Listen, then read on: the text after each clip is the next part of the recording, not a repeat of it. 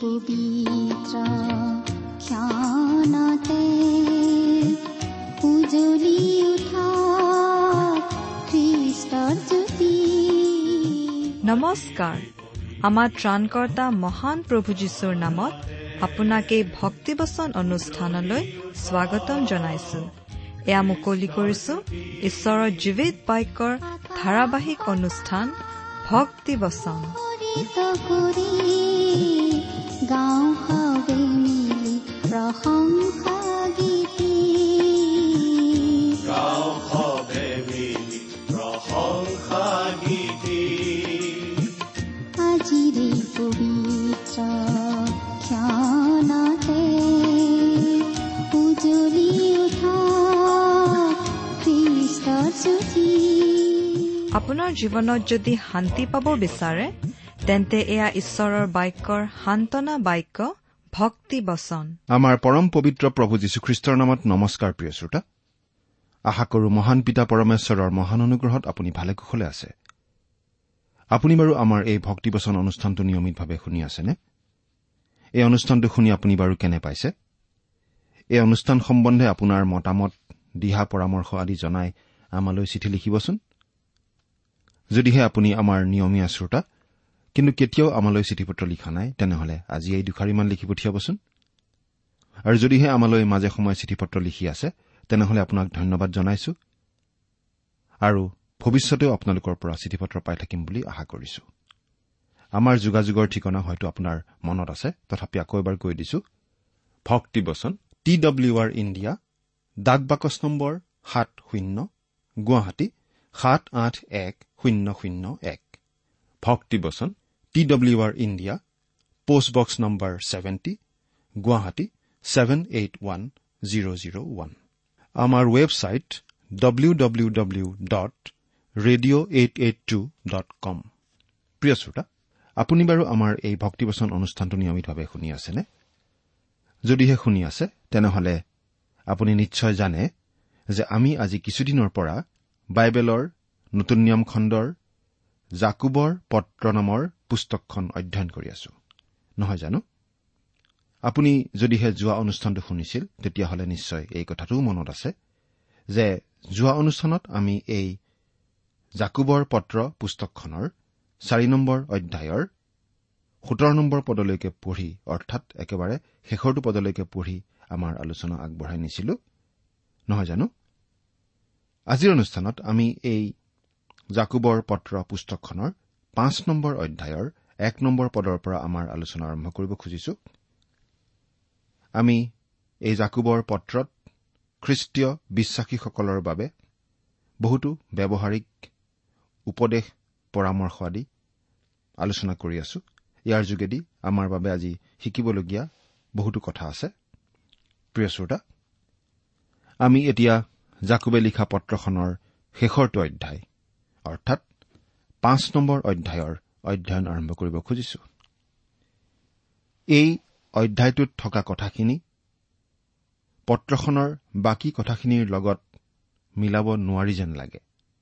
কাৰণ আমি এতিয়া অলপ বেলেগ ধৰণৰ বিষয় আলোচনা কৰিবলৈ পাম। এই শেষৰটো অধ্যায় অৰ্থাৎ পাঁচ নম্বৰ অধ্যায়ৰ প্ৰথম ছয়টা পদত ওপৰে ওপৰে পঢ়িলে আমাৰ এনেকুৱা লাগিব পাৰে যে জাকুবে কিবা বিপ্লৱী মনোভাৱেৰেহে কথাখিনি কৈছে। যেন ধনী মানুহবিলাকক হেঁচা মাৰি ধৰি তেওঁলোকৰ ধন সম্পত্তি কাঢ়ি আনি সমানে ভগাই ল'ব লাগে তেনেকুৱা মনোভাৱ ব্যক্ত কৰা যেন আমাৰ লাগিব পাৰে। কিন্তু আমি যদি পদকেইটা অলপ ভালদৰে পঢ়ি চাওঁ তেনেহলে আমি বুজি পাম যে আচলতে জাকুবে তেনেকুৱা একো বুজোৱা নাই। আচলতে অন্যায় অবিচাৰ শোষণ আদিৰে ভৰা এখন মন্দ পৃথিৱীত কেনেদৰে আমি চলিব লাগে? সেই বিষয়ে খ্ৰীষ্টীয় বিশ্বাসীসকলক তেওঁ বিশেষ উপদেশে ইয়াত দিছে। সেই সময়ৰ ৰোমিয়া শাসনৰ অধীনৰ পৃথিৱীখন আজিৰ নিচিনা নাছিল। সেই সময়ত কোনো মধ্যবিত্ত শ্ৰেণী নাছিল। কেৱল ধনী লোক আৰু দুখীয়া লোকহে আছিল। আৰু সেই সময়ৰ বেছিভাগ খ্ৰীষ্টীয় বিশ্বাসী লোক দুখীয়া শ্ৰেণীৰ পৰা আহিছিল। কোনো লাহ বিলাহৰ সামগ্ৰী তেওঁলোকৰ নাছিল চকুত লগা গীৰ্জাঘৰো তেওঁলোকৰ নাছিল। আহক আমি মূল কথাত প্ৰৱেশ কৰাৰ আগতে সদায় কৰি অহাৰ নিচিনাকৈ আজিও ছুটিকৈ প্ৰাৰ্থনা কৰো। স্বৰ্গত থকা অসীম দয়ালু কৰুণাময় পিতৃ ঈশ্বৰ তোমাৰ মহান নামৰ ধন্যবাদ কৰো। তুমি সৰ্বশক্তিমান সৰ্বব্যাপী সৰ্বজ্ঞানী ঈশ্বৰ হৈও আমাৰ দৰে ক্ষুদ্ৰ মানৱক যে ইমান প্ৰেম কৰা সেই কথা ভাবিলেই আচৰিত হওঁ। তুমি আমাক ইমানেই প্ৰেম কৰিলা যে আমাক পৰিত্ৰাণ দিবলৈ তুমি তোমাৰ একেজাত পুত্ৰ যীশুখ্ৰীষ্টকেই আমালৈ দান কৰিলা। তেওঁ ক্ৰুচত নিজৰ পবিত্ৰ তেজেৰে আমাৰ পাপৰ প্ৰায়চিত্ৰ কৰিলে আৰু আজি তেওঁত বিশ্বাস কৰি আমি অনন্ত জীৱন লাভ কৰি তোমাক পিতৃ বুলি মাতিব পৰা হৈছো। তাৰ বাবে তোমাক অশেষ ধন্যবাদ পিতা। এতিয়া আমি তোমাৰ মহান বাক্য বাইবেল শাস্ত্ৰ অধ্যয়ন কৰিবলৈ ওলাইছো। প্ৰাৰ্থনা কৰিছো তোমাৰ বাক্য তুমিয়েই আমাক বুজাই দিয়া। এই অনুষ্ঠান শুনি থকা আমাৰ মৰমৰ শ্ৰোতাসকলক তুমি উপচি পৰাকৈ আশীৰ্বাদ কৰা। জাগতিক প্ৰয়োজনসমূহৰ লগতে তেওঁলোকৰ আধ্যামিক দিশৰ প্ৰয়োজনসমূহো তুমি পূৰণ কৰা। কিয়নো এই প্ৰাৰ্থনা আমাৰ মহান ত্ৰাণকৰ্তা মৃত্যুঞ্জয় প্ৰভু যীশুখ্ৰীষ্টৰ নামত আগবঢ়াইছো। আহমেদ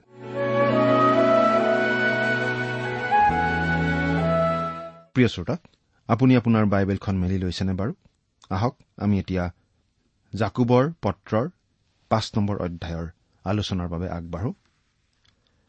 এই অধ্যায়টো আলোচনা কৰোতে আমি মনত ৰখা উচিত যে জাকুবে আচলতে ধনী শ্ৰেণীক গালি পৰা নাই। ধন সম্পত্তি অনৈতিক বস্তু নহয়। অৱশ্যে ধন সম্পত্তি নৈতিক বস্তুও নহয়। ধন সম্পত্তিৰ আচলতে নৈতিকতাৰ বিচাৰ কৰিব নোৱাৰি। বাইবেলে আচলতে ধন সম্পত্তি বেয়া বুলিও কোৱা নাই আৰু ভাল বুলিও কোৱা নাই। বহুতো মানুহে ধন সম্পত্তি বেয়া বুলি ভাবি থাকে। কিন্তু বাইবেলত আচলতে কি কৈছে আমি চাওঁচোন? ধনৰ লোভেই সকলো মন্দৰ মূল। তালৈ আকাংক্ষা কৰি কোনো কোনো মানুহে বিশ্বাসৰ পৰা ভ্ৰান্ত হৈ যাতনাৰূপ শলাৰে নিজকেই শালিলে প্ৰথম তিমঠীয় ছয় নম্বৰ অধ্যায়ৰ ন আৰু দহ নম্বৰ পদ। অৰ্থাৎ সমস্যাটো কাগজৰ নোটখনত নাথাকে। সমস্যাটো থাকে মানুহৰ মনত মানুহৰ হৃদয়ত। ধন সম্পত্তিৰ প্ৰতি থকা লোভটোহে সকলো মন্দতাৰ মূল সকলো বেয়াৰ মূল। জাকুবে মানুহবোৰ ধনী হোৱাৰ বাবে সমালোচনা কৰা নাছিল। কিন্তু ধন সম্পত্তিৰ প্ৰতি তেওঁলোকৰ যিটো মনোভাৱ সেই ভুল মনোভাৱটোৰ কাৰণেহে তেওঁ মানুহক সমালোচনা কৰিছিল। তেওঁলোকে কি ধৰণেৰে সেই ধন আহৰণ কৰিছিল আৰু সেই ধন কেনেকৈ তেওঁলোকে ব্যৱহাৰ কৰিছিল সেইটোহে তেওঁ আঙুলিয়াই দিছিল। ধন সম্পত্তি সম্বন্ধে প্ৰভু যীশুখ্ৰীষ্টইও বহুখিনি কথাই কৈছে। তেওঁ দিয়া তিনিটা দৃষ্টান্ত আমি চাব খুজিছো। জাকুবে ইয়াত লিখা কথাবোৰ বুজি পোৱাত আমাৰ সহায় হবৰ কাৰণে। লোকে লিখা শুভবাৰ্তা ষোল্ল নম্বৰ অধ্যায়ৰ ঊনৈছৰ পৰা একত্ৰিশ নম্বৰ পদলৈকে যদি আমি পঢ়ো। আকৌ কৈ দিছো পদকেইটা। লোকে লিখা শুভবাৰ্তা ষোল্ল নম্বৰ অধ্যায়ৰ ঊনৈশ নম্বৰ পদৰ পৰা একত্ৰিশ নম্বৰ পদলৈকে আমি যদি পঢ়ো তাত আমি এজন অতি দুখীয়া মানুহ লাজাৰ আৰু এজন ধনী মানুহৰ বিষয়ে পঢ়িবলৈ পাওঁ। ধনী মানুহজনে কেনেকৈ ধনৰ ব্যৱহাৰ কৰিছিল সেই বিষয়েহে আচলতে এই দৃষ্টান্তটো। সেই ধনী মানুহজনে জীৱনটো কেৱল উপভোগ কৰিছিল। সেই লাজাৰ নামৰ ভিক্ষাৰীজন তেওঁৰ দুৱাৰমুখত আছিল। তেওঁক বাৰু কোনে তাত ৰাখিছিল আমি নাজানো। কিন্তু সেই ভিক্ষাৰী মানুহজনৰ বাবে সেই ধনী মানুহজনৰ অলপ দায়িত্ব আছিল। ধনী মানুহজনে তেওঁৰ মেজৰ পৰা মাটিত পৰা বস্তু তুলি খাবলৈ দুখীয়া মানুহজনক অনুমতি দিছিল। কুকুৰে সেই দুখীয়া ভিখাৰী মানুহজনৰ গাৰ ঘাঁহবোৰ চেলেকিছিল আৰু ধনী মানুহজনে পেট ভৰাই ভৰাই খাইছিল। কিন্তু মৃত্যুৰ পাছত সেই দুখীয়া মানুহজন অব্ৰাহমৰ কোলালৈ গ'ল আৰু ধনী মানুহজন গ'ল নৰকলৈ। ঈশ্বৰে এই মানুহ দুজনৰ জীৱন এনেদৰেই বিচাৰ কৰিলে। লোকে লিখা শুভবাৰ্তাক বাৰ নম্বৰ অধ্যায়ত প্ৰভু যীশুখ্ৰীষ্টই ধনী মানুহৰ বিষয়ে আন এটা দৃষ্টান্ত দিছিল। এই ধনী মানুহজনে খুব ডাঙৰ ভঁৰাল সাজিছিল আৰু ডাঙৰ ভঁৰাল সাজিবলৈ পৰিকল্পনা কৰিছিল। কিন্তু ডাঙৰকৈ সজাৰ আগতেই তেওঁৰ মৃত্যু হৈছিল। প্ৰভু যীশুৱে এই মানুহজন ধনী হোৱাৰ বাবে দোষী কৰা নাই। কিন্তু সেই মানুহজনে ধন কেৱল সাঁচিছিল। একেবাৰে বুঢ়া কাললৈকে বাচি থাকিব পাৰিম বুলি ভাবিছিল। কিন্তু অনন্ত জীৱনৰ কথা ভবা নাছিল। কিন্তু আমাৰ প্ৰভু যীশুখ্ৰীষ্টই তেওঁক মূৰ্খ বুলি কৈছে। সেই মানুহজন মূৰ্খ বুলি কৈছে। আচলতে সেই মানুহজন লোভিতকৈও অধিক আছিল। তেওঁ স্বাৰ্থপৰ আছিল। তেওঁ কেৱল নিজৰ কাৰণেই ধন সাঁচিছিল। আৰু সেইটো এক প্ৰকাৰ প্ৰতিমা পূজা। আমাক বাইবেলত কোৱা হৈছে যে লোভটো এক প্ৰকাৰ প্ৰতিমা পূজা। লোভ মানে বস্তুৰ বা সা সম্পত্তিৰ উপাসনা কৰা। কিন্তু স্বাৰ্থপৰতা মানে নিজক উপাসনা কৰা। জোহনে লিখা শুভবাৰ্তা পোন্ধৰ নম্বৰ অধ্যায়ৰ পাঁচ নম্বৰ পদত আমি এই বুলি পঢ়িবলৈ পাওঁ। পঢ়ি দিছো। ময়েই দ্ৰাক্ষালতা তোমালোক ডাল যিজন মোত থাকে আৰু ময়ো যিজনত থাকো সেইজন বহু ফলৱান হয় কিয়নো মোৰ বাহিৰে তোমালোকে একো কৰিব নোৱাৰা। এয়া প্ৰভু যীশুৱে কোৱা কথা। ধন সম্পত্তিৰ বিষয়ে প্ৰভু যীশুৱে দিয়া তৃতীয়টো দৃষ্টান্ত হ'ল এজন অসাধু ঘৰগিৰিৰ বিষয়ে। আমি তাৰ পৰা এই কথাই শিকো যে আমি কেৱল কেনেকৈ ধন উপাৰ্জন কৰো তাৰ বাবেই নহয় কিন্তু কেনেকৈ আমি ধন খৰচ কৰো তাৰ বাবেও ঈশ্বৰে আমাক দোষী কৰিব। আমি জাকুবৰ পত্ৰত লিখা কথাখিনি আলোচনা কৰাৰ আগতে আৰু এটা কথা চাই লোৱাটো ভাল হ'ব। ইয়াত বাৰু জাকুবে যি ধনী লোকসকলক দোষী কৰিছে তেওঁলোক খ্ৰীষ্টীয় বিশ্বাসী হয় নে নহয়? তেওঁলোক ধৰ্মপৰায়ণ ধনী নে অধাৰ্মিক ধনী? এই বিষয়ে ব্যাখ্যাকাৰসকলৰ মাজত অলপ মতৰ অমিল আছে। কিন্তু আমি হলে ভাবো যে যিসকল ধনী লোকৰ কথা ইয়াত জাকুবে বুজাইছে তেওঁলোক আছিল ঈশ্বৰত বিশ্বাস নকৰা ধনী লোক।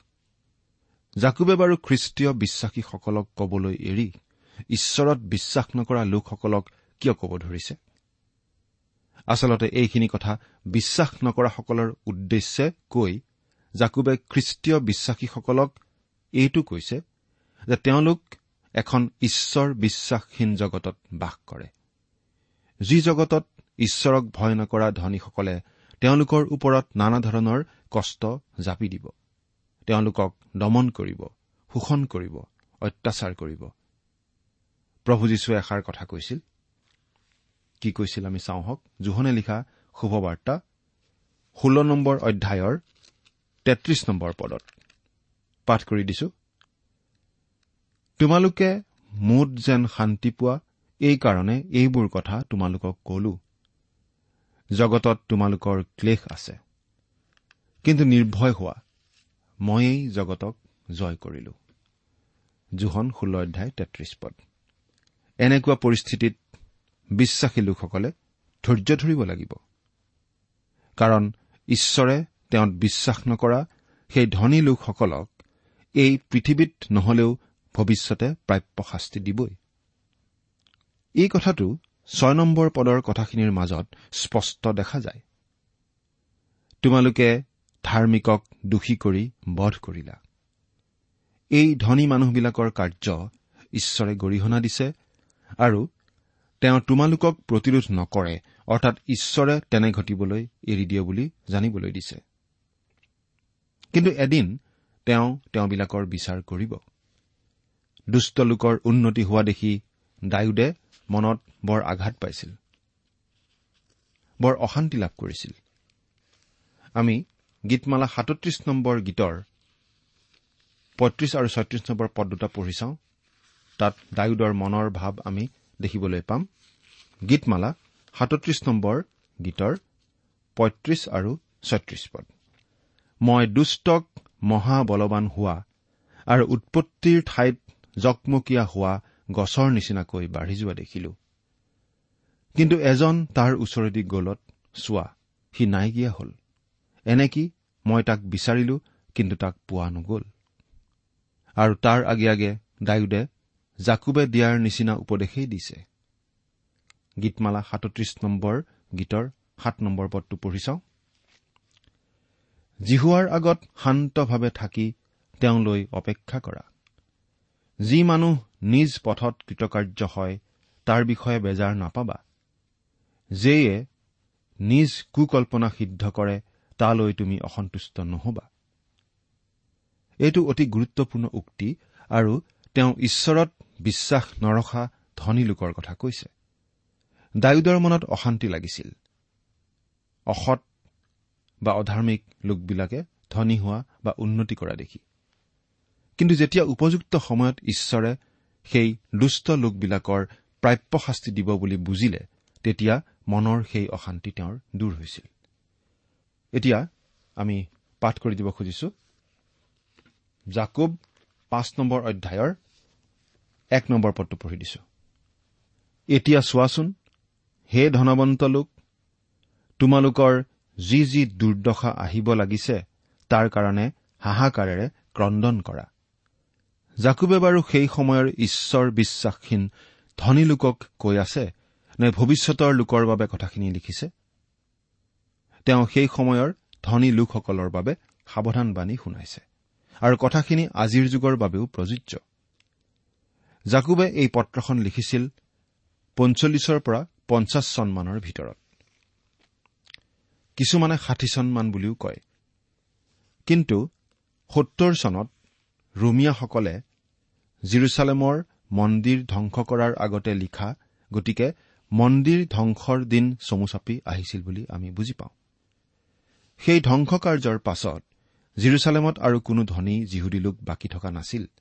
তেওঁলোকক বধ কৰা হৈছিল নাইবা তেওঁলোকক দাস কৰা হৈছিল সকলো ধন সম্পত্তি তেওঁলোকৰ কাঢ়ি লোৱা হৈছিল নাইবা ধ্বংস কৰা হৈছিল। গতিকে ভৱিষ্যতে ঘটিবলগীয়া সেই ধ্বংসলীলাৰ কথা মনত ৰাখিয়েই জাকুবে এই কথাবোৰ লিখিছিল। জাকুবে এই কথা জানিছিল কাৰণ প্ৰভু যীশুৱে স্বৰ্গাৰোহণৰ আগে আগে এই ঘটনা সম্বন্ধে ভৱিষ্যতবাণী কৰি থৈ গৈছিল। প্ৰভু যীশুৱে কি কৈছিল? লোকে লিখা শুভবাৰ্তা একৈশ নম্বৰ অধ্যায়ৰ বিশ নম্বৰ পদ। আৰু যেতিয়া জিৰচালেমক সৈন্যবিলাকেৰে বেৰি ধৰা দেখিবা তেতিয়া তাৰ ধ্বংস ওচৰ চাপিলহি বুলি জানিবা। আৰু এই কথা সঁচাকৈ ফলিয়াইছিল সত্তৰ চনত। আৰু তাৰ আগে আগে জাকুবে মানুহবোৰক এনেদৰে সাৱধান কৰি দিছিল। হাহাকাৰেৰে ক্ৰদন কৰিব কৈছিল। তোমালোকৰ ধন সম্পত্তি গেলি পচি গ'ল। তোমালোকৰ কাপোৰ পোকে খোৱা হ'ল। প্ৰভু যীশুখ্ৰীষ্টৰ পুনৰগমনৰ পটভূমিত তেওঁলোকক এই বুলি সাৱধান কৰি দিয়া হৈছিল যে জাগতিক সা সম্পদবোৰ অসাৰ কোনো কামত নাহিব। এই কথা শুনি কোনো ধনী মানুহে নিশ্চয় ভাল নাপাব। অৱশ্যে আজিৰ দৰে তেতিয়াৰ ধনীসকলেও জীৱনটো অনিশ্চয়তাৰে ভৰা বুলি জানিছিল কাৰণ যিকোনো সময়তে জীৱনৰ অন্ত পৰিব পাৰে। ভাল দিন থাকে বেয়া দিনো থাকে। আমাৰ সকলোৰে জীৱনত নিশ্চয় এনেকুৱা অভিজ্ঞতা আছে। তিনি নম্বৰ পদ। তোমালোকৰ সোণ ৰূপ মামৰে খোৱা হ'ল আৰু সেইবোৰৰ মামৰে তোমালোকৰ বিপক্ষে সাক্ষ্য দিব আৰু জুইৰ দৰে তোমালোকৰ মঙহকে খাব। তোমালোকে শেষ কালতহে ধন সাঁচিলা।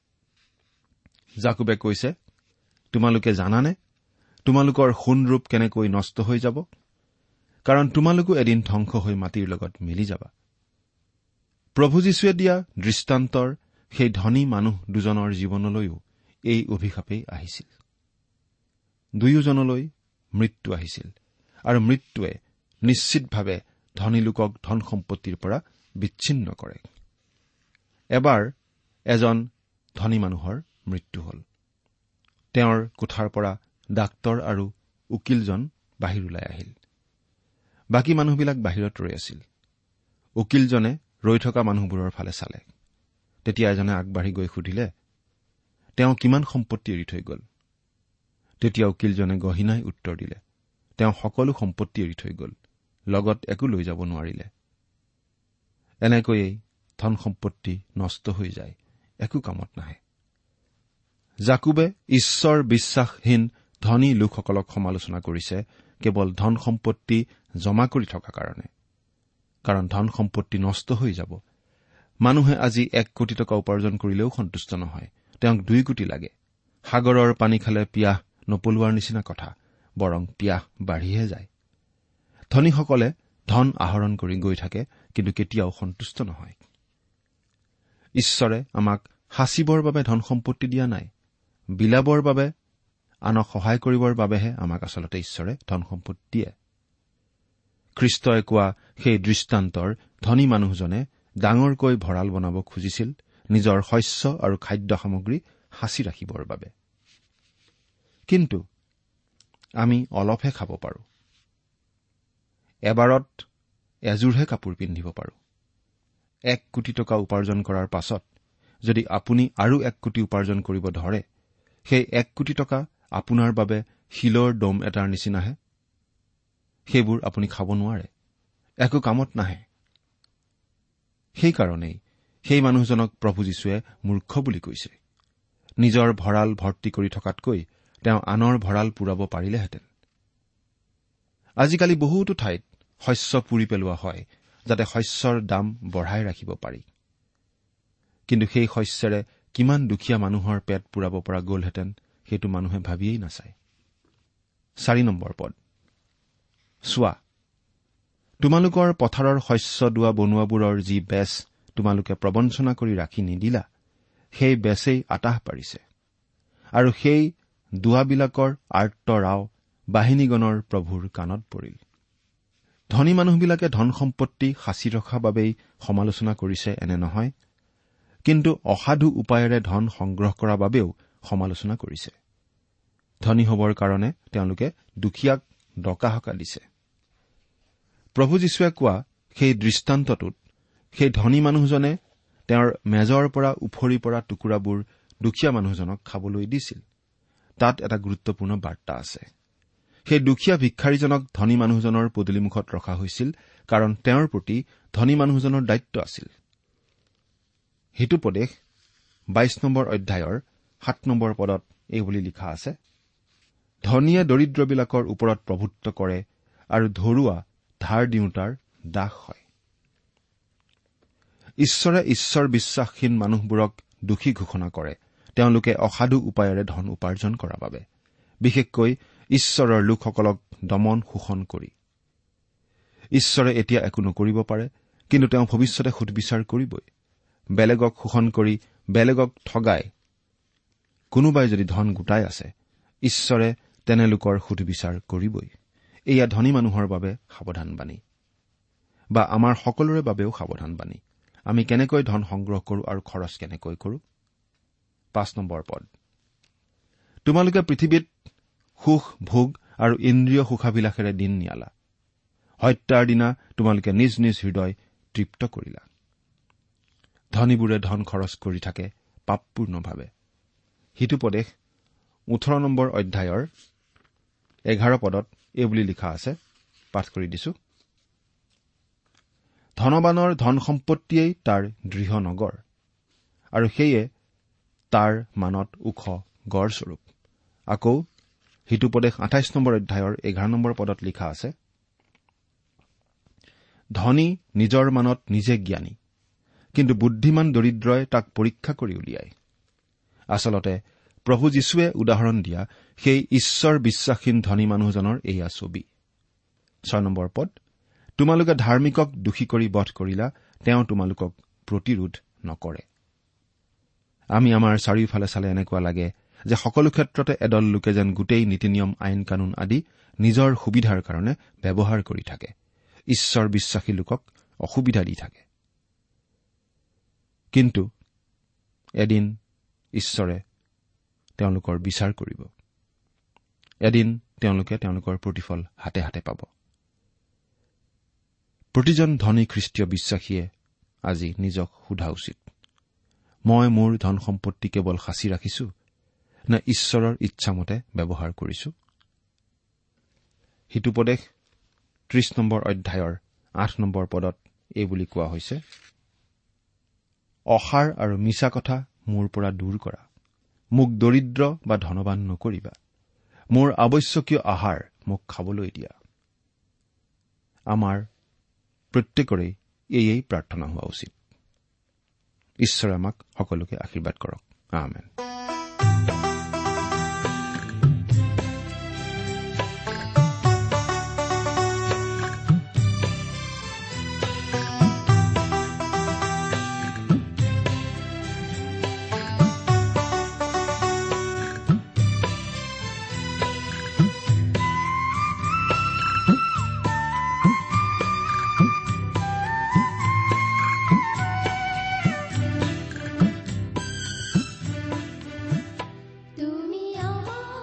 পৰে আপুনি ভক্তিবচন অনুষ্ঠানটি শুনিলে। অনুষ্ঠানটি শুনি কেনে পালে? আমালৈ চিঠি লিখি জনাবচোন। অনুষ্ঠানত প্ৰচাৰ কৰা কোনো কথা বুজিব লগা থাকিলেও আমালৈ লিখক। আমাৰ ঠিকনা ভক্তিবচন টি ডাব্লিউ আৰ ইণ্ডিয়া ডাক বাকচ নম্বৰ সাত শূন্য গুৱাহাটী সাত আঠ এক শূন্য শূন্য এক।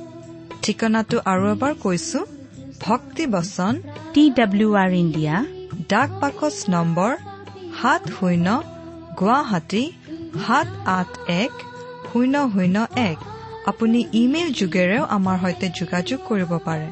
আমাৰ ইমেইল আইডিটো হৈছে Assamese T TV at radio' eight eight two dot com. আইডিটো আকৌ এবাৰ কৈছো। Assamese T TV at radio' eight eight two dot com. আপুনি টেলিফোনৰ মাধ্যমেৰেও আমাক যোগাযোগ কৰিব পাৰে। আমাৰ টেলিফোন নম্বৰটো হৈছে শূন্য তিনি ছয় এক দুই ছয় শূন্য চাৰি ছয় সাত এক। ফোন নম্বৰটো আকৌ এবাৰ কৈছো zero' three six one two six zero' four six seven one. আজিৰ অনুষ্ঠানটি ইমানতেই সামৰিছো। ঈশ্বৰৰ শান্তি আৰু অনুগ্ৰহ আপোনাৰ লগত থাকক। ধন্যবাদ।